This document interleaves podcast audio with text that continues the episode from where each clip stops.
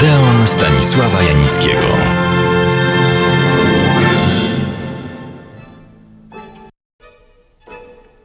Skoro mamy zimę kalendarzową i rzeczywistą w realu, jak to się teraz mawia, kilka słów o pewnym filmie zimowym, śnieżnym, lodowym, lawinowym. Tak na marginesie, filmie znakomitym, wspaniałym, niedoścignionym. Zrealizowany on został w roku 1929 i podziwiany był dosłownie na całym świecie, w tym również w Polsce. Premiera odbyła się w warszawskim kinie Apollo. Film ten nosi tytuł Białe piekło Pizz Palu. O piekle za chwilę. Najpierw wyjaśnię tę dziwną nazwę Pizz Palu. Jest to trzytysięcznik w sąsiedztwie czterotysięcznika o nazwie Piz Bernina, czyli że wznosi się w paśmie Alp Bernińskich na wschodniej granicy szwajcarsko-włoskiej. Nieskromnie powiem, że nie tak dawno oglądałem te szczyty, a więc miejsce akcji, z innego trzytysięcznika, Piz Nair, przywołując w pamięci dramatyczne, krew w żyłach mrożące sceny z owego dawnego, zapomnianego filmu. Na szczęście pogoda była łaskawie pogodna, jesienna, rzec by można nawet melancholijna. Pasjonatów egzotycznych, a z filmami związanych wypraw zachęcam do odwiedzenia tych pięknych, choć niestety nieco drogich stron. Polecam pociąg szwajcarski, więc bezbłędny, przez Klosters, omijając Sankt Moritz w kierunku Tirano, to już we Włoszech. Wysiąść można, nie wiem czy ekipa filmowa też tutaj wysiadała, na przystanku Diavolezza, co już bardzo trafnie zapowiada piekielne atrakcje. Dzisiaj, nie wiem czy już wówczas, można się dostać kolejką linową na szczyt o tej samej diabelskiej nazwie, znajdujący się na wysokości 3000 metrów, a dalej to już trzeba być prawdziwym alpinistą.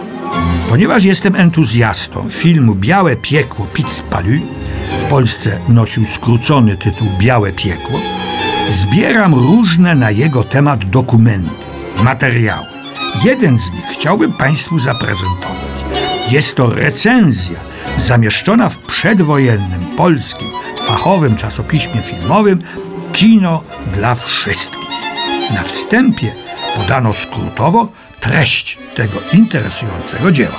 To jest Odeon Stanisława Janickiego w RMF Classic. Doktor Jan Kraft z narzeczoną, muszę sprostować, z żoną i przewodnikiem przedsięwziął wycieczkę na wierzchołek góry Piz Palu.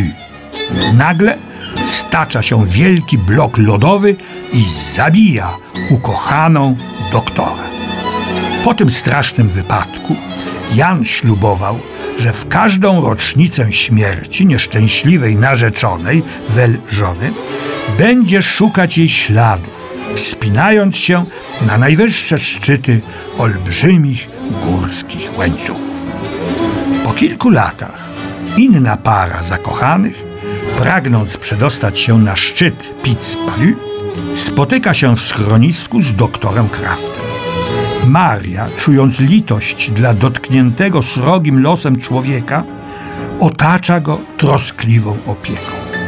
Gdy Jan dowiaduje się, że grupa studentów z Zürichu również wybiera się na szczyt Piz Palu, postanawia wyprzedzić ją i przedostać się tam pierwszym. Zakochana para towarzyszy mu. Wtem zrywa się ogromna lawina i druzgocze wszystko po drodze. Doktor Kraft robi wszystko, aby ocalić narzeczonych. Sam przy tym ginie. Koniec streszczenia. Akcja toczy się oczywiście dalej, ale i ja jej nie zdradzę, bo a nuż natraficie Państwo gdzieś na ten film, więc nie będę psuł przyjemności przeżycia dramatycznego finału. W recenzji następuje teraz ocena. Brzmi ona tak. Film ten, nie posiadający jakiejkolwiek wyraźnej, zaznaczonej intrygi miłosnej, tem niemniej ogląda się z wielkim zainteresowaniem od początku do końca. Krajobrazy górskie są tak wspaniałe, tak urocze i potężne, że nawet zupełnie obojętny na piękno natury widz nie potrafi oprzeć się ich czarowi i przejść nad nimi do porządku dziennego. Zasługa sfilmowania tych przecudnych krajobrazów należy wyłącznie do reżyserów Arnolda Fanka i Georga Wilhelma Papsta, zaś Lenę Riefenstahl należy zaliczyć do najbardziej uroczych zjawisk ekranu. Koniec cytatu. Georga Wilhelma Papsta już znamy. Nie tak dawno opowiadałem o nim, o jego aktorskim odkryciu pięknej i utalentowanej Louisie Brooks. Nazwisko Leni Riefenstahl też bywalcom Odeonu coś mówi. Natomiast mało wiemy o drugim, a właściwie głównym reżyserze, Arnoldzie Fanku oraz o wykonawcy brawurowych ratunkowych lotów nad miejscami tragicznych zdarzeń, Erneście Udecie, asie niemieckiego lotnictwa. Nie mówiąc o cichych, lecz jakże istotnych bohaterach, którymi byli trzej operatorzy: Sepp Allgeier, Richard Angst i Hans Schneeberger którzy te, cytuję, tak wspaniałe, tak urocze i potężne krajobrazy górskie na taśmie filmowej utrwalili. Nie wiem, czy to żart losu, czy zdumiewający przypadek, ale ich nazwiska zawierają następujące słowa.